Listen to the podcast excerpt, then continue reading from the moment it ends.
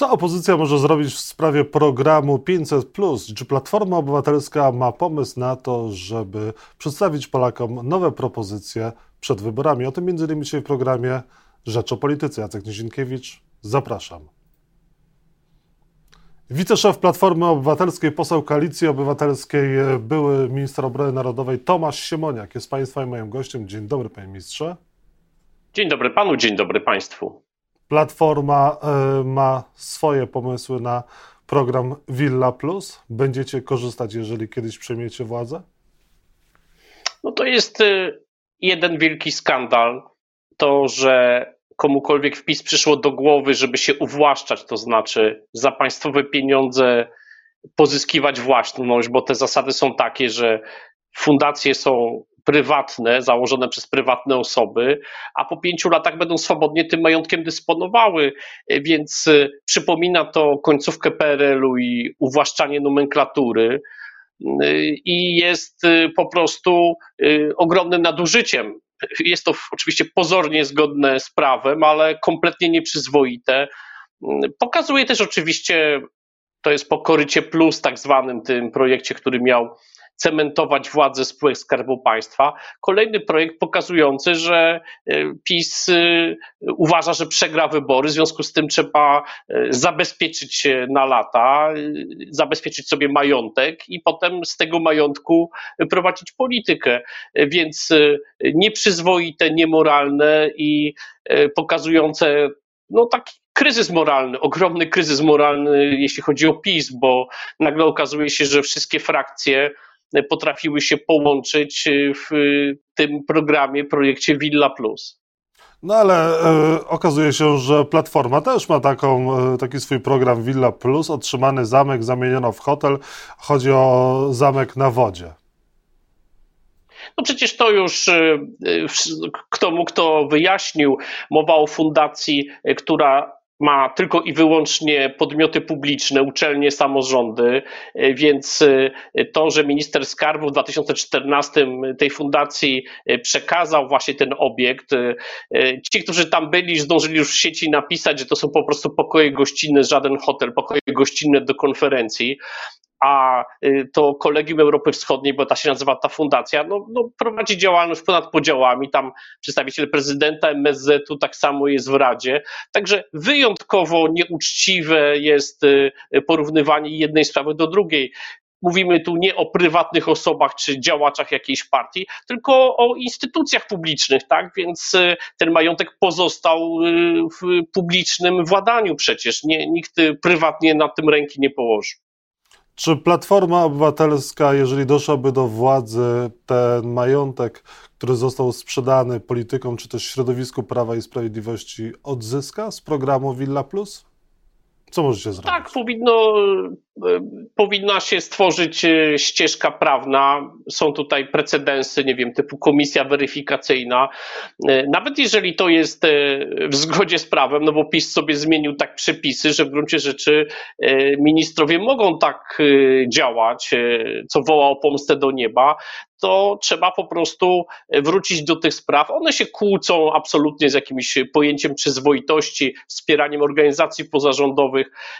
Fundacje powinny otrzymywać środki na działalność, granty, na projekty, a nie służyć takiemu uwłaszczaniu się. No po prostu to w ogóle wszystko stoi na głowie. Już nie mówię o tym, że są tam e, podmioty, które powstały e, kilka miesięcy wcześniej, albo nawet kilka dni wcześniej, więc widać, że to po prostu nie jest żadne uczciwe działanie, tylko e, rozdawanie swoim apanarzy i no, de facto uwłaszczanie się. No, politycy PiSu, niektórzy z tych polityków PiSu wyjdą z lat swoich rządów z willami do dyspozycji w Warszawie w y, dobrych miejscach, z możliwością ich sprzedaży za kilka lat. To jest po prostu coś nie, niedopuszczalnego, więc musi się znaleźć taka ścieżka, e, żeby tego rodzaju działania, tego rodzaju patologie po prostu naprawić. To jest e, zabieranie majątku państwowego, uwłaszczanie się na nim.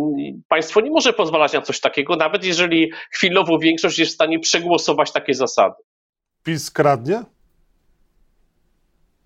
No to jest słowo bardzo takie potoczne, tak? To jest raczej uwłaszczanie Y, równie zła sytuacja, bo właśnie y, oznacza, że państwo ma mniej majątku, ma mniej pieniędzy, że ten, te pieniądze służą prywatnym celom, więc w tym przypadku mamy do czynienia z uwłaszczaniem się y, działaczy PiSu, polityków PiSu, ministrów PiSu poprzez fundacje, bo oczywiście wprost nie mogą się uwłaszczyć, natomiast te fundacje są pod ich kontrolą i e, po pięciu latach będą mogli e, zarabiać miliony na tych willach, na ich sprzedaży. To jest po prostu absolutnie patologiczne. Jeżeli chodzi o próbę odkręcenia tego, to co wy technicznie mogli, mo, możecie zrobić? Jakby pan mógł przedstawić w jakichś punktach, albo jaki jest scenariusz na e, podstawie jakich przepisów prawa e, sprawić, że Przecież, ten majątek czy środki e, wrócą to do Skarbu Państwa? Ja sądzę, jak sam pan ja powiedział, jestem, to nie jest kradzież, to nie jest kradzież, więc tutaj do złamania nie prawa jestem, nie doszło.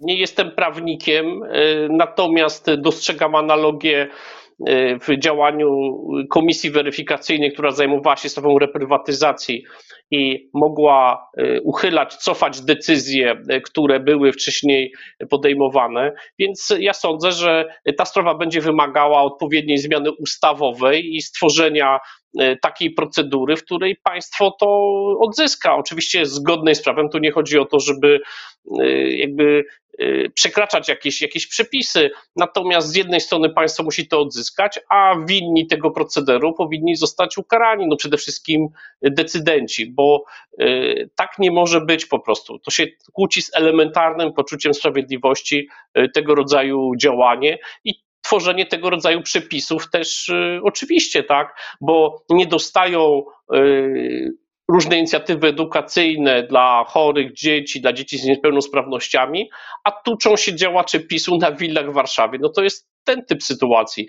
I e, to, że w PiS e, dominuje takie przekonanie, że e, wszystko możemy, że to jest jakiś sukces, bo oto organizacje nielewackie, cytując tutaj ministra Czarnka, otrzymują majątek, no jakby świadczy jakimś, jakiejś katastrofie moralnej w PiSie.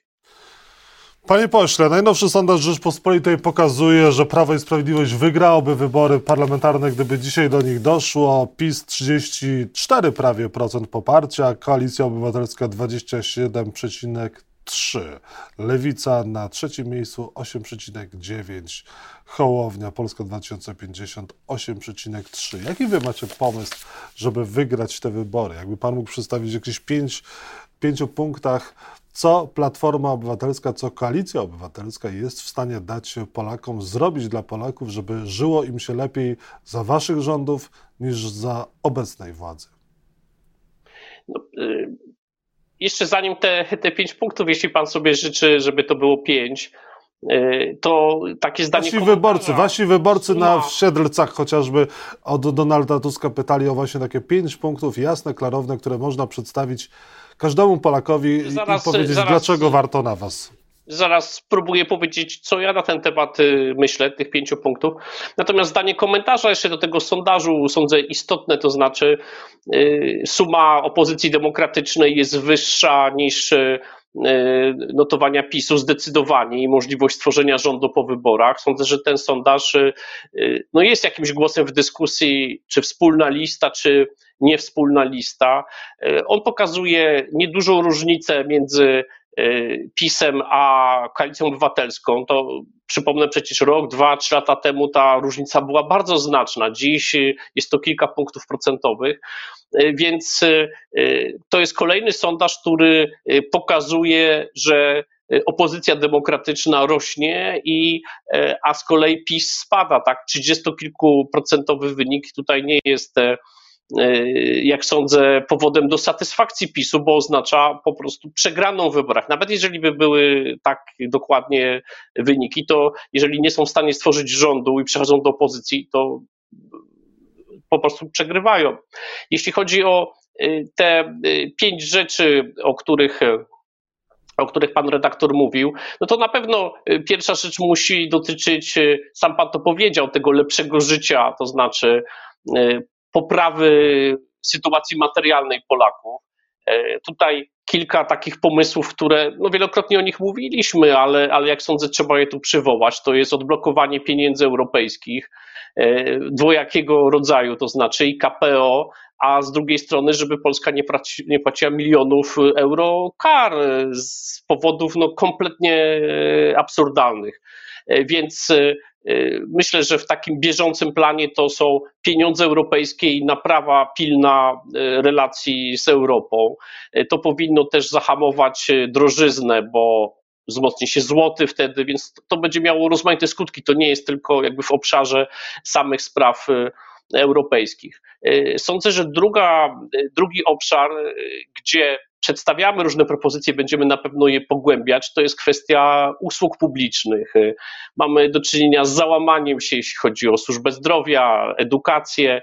W tych obszarach no, kompletnie państwo przestało działać. Myślę, że tutaj ktokolwiek ma taki zwyczajny kontakt z tym, co się dzieje w szkołach publicznych, odejściami nauczycieli, brakiem środków, już nie mówię o służbie zdrowia, to widzi, że to jest obszar, y, którym po prostu trzeba pilnie się, y, trzeba pilnie się zająć.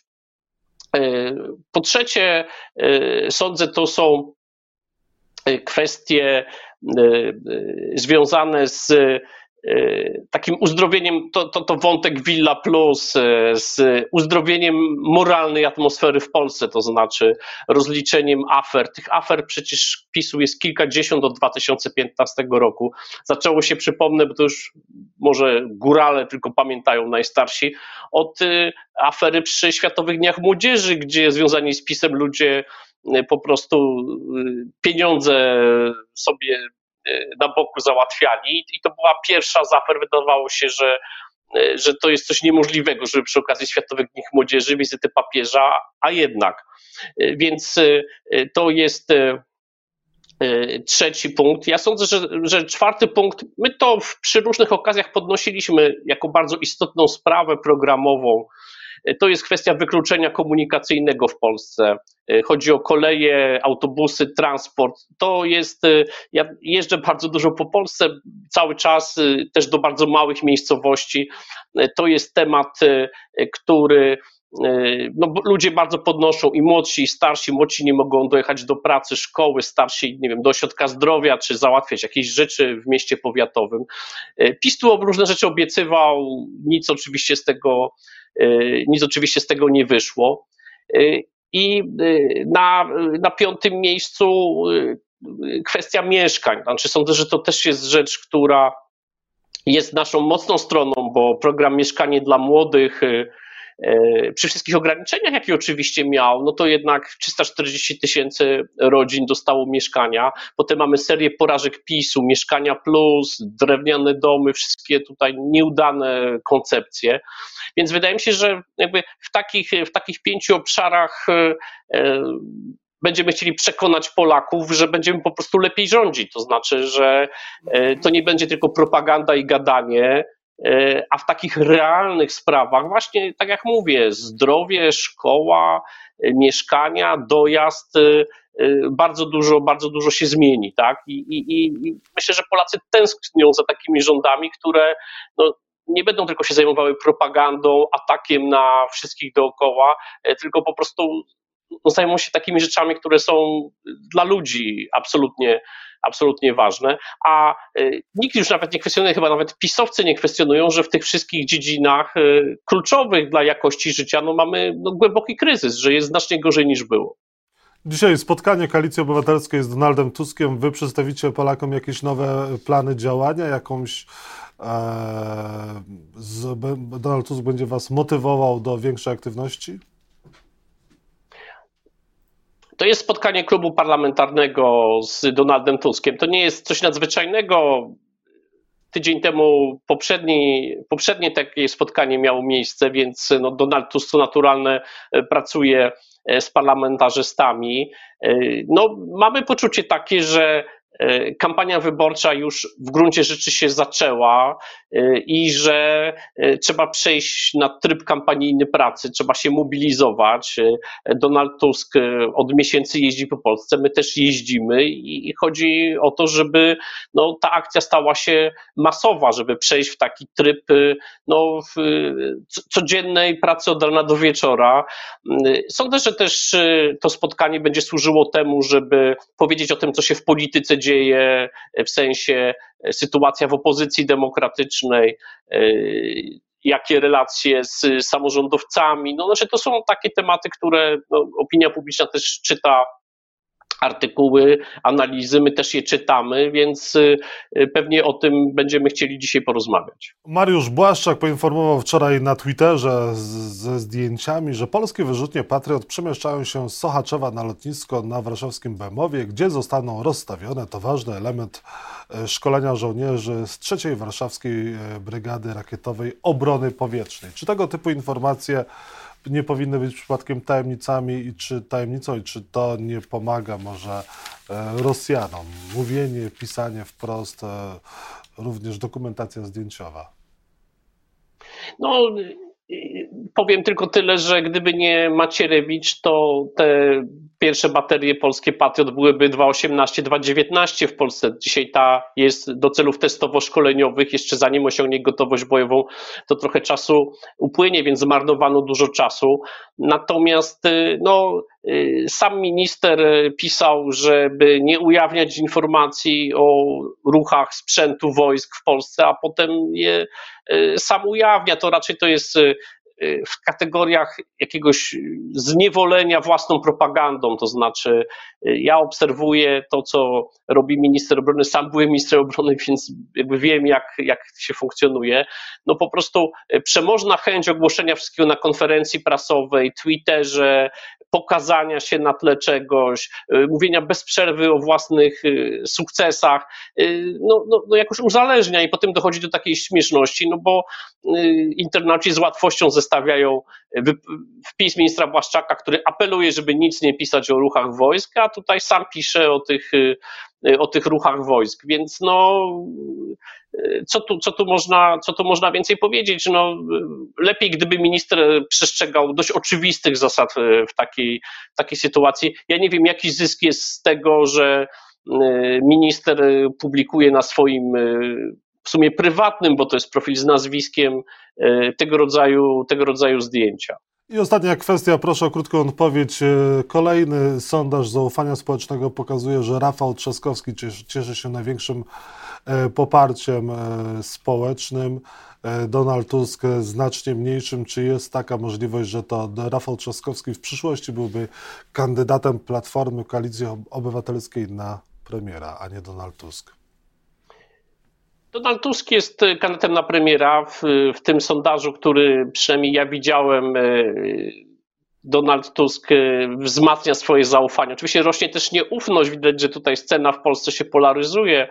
Natomiast myślę, że to jest też cena za to, że jest liderem opozycji tak mocno atakowanym.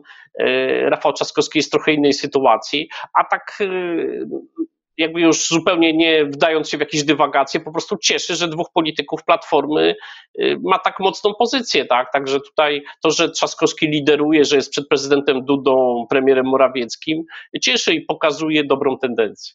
Czyli nie ma planów zmiany kandydata na premiera. Donald Tusk jest kandydatem Koalicji Obywatelskiej na premiera i tak pozostanie, tak? To oczywista oczywistość. Tomasz Siemoniak, e, wiceszef Platformy Obywatelskiej był Państwa i moim gościem. Dziękuję bardzo za rozmowę. Dziękuję bardzo.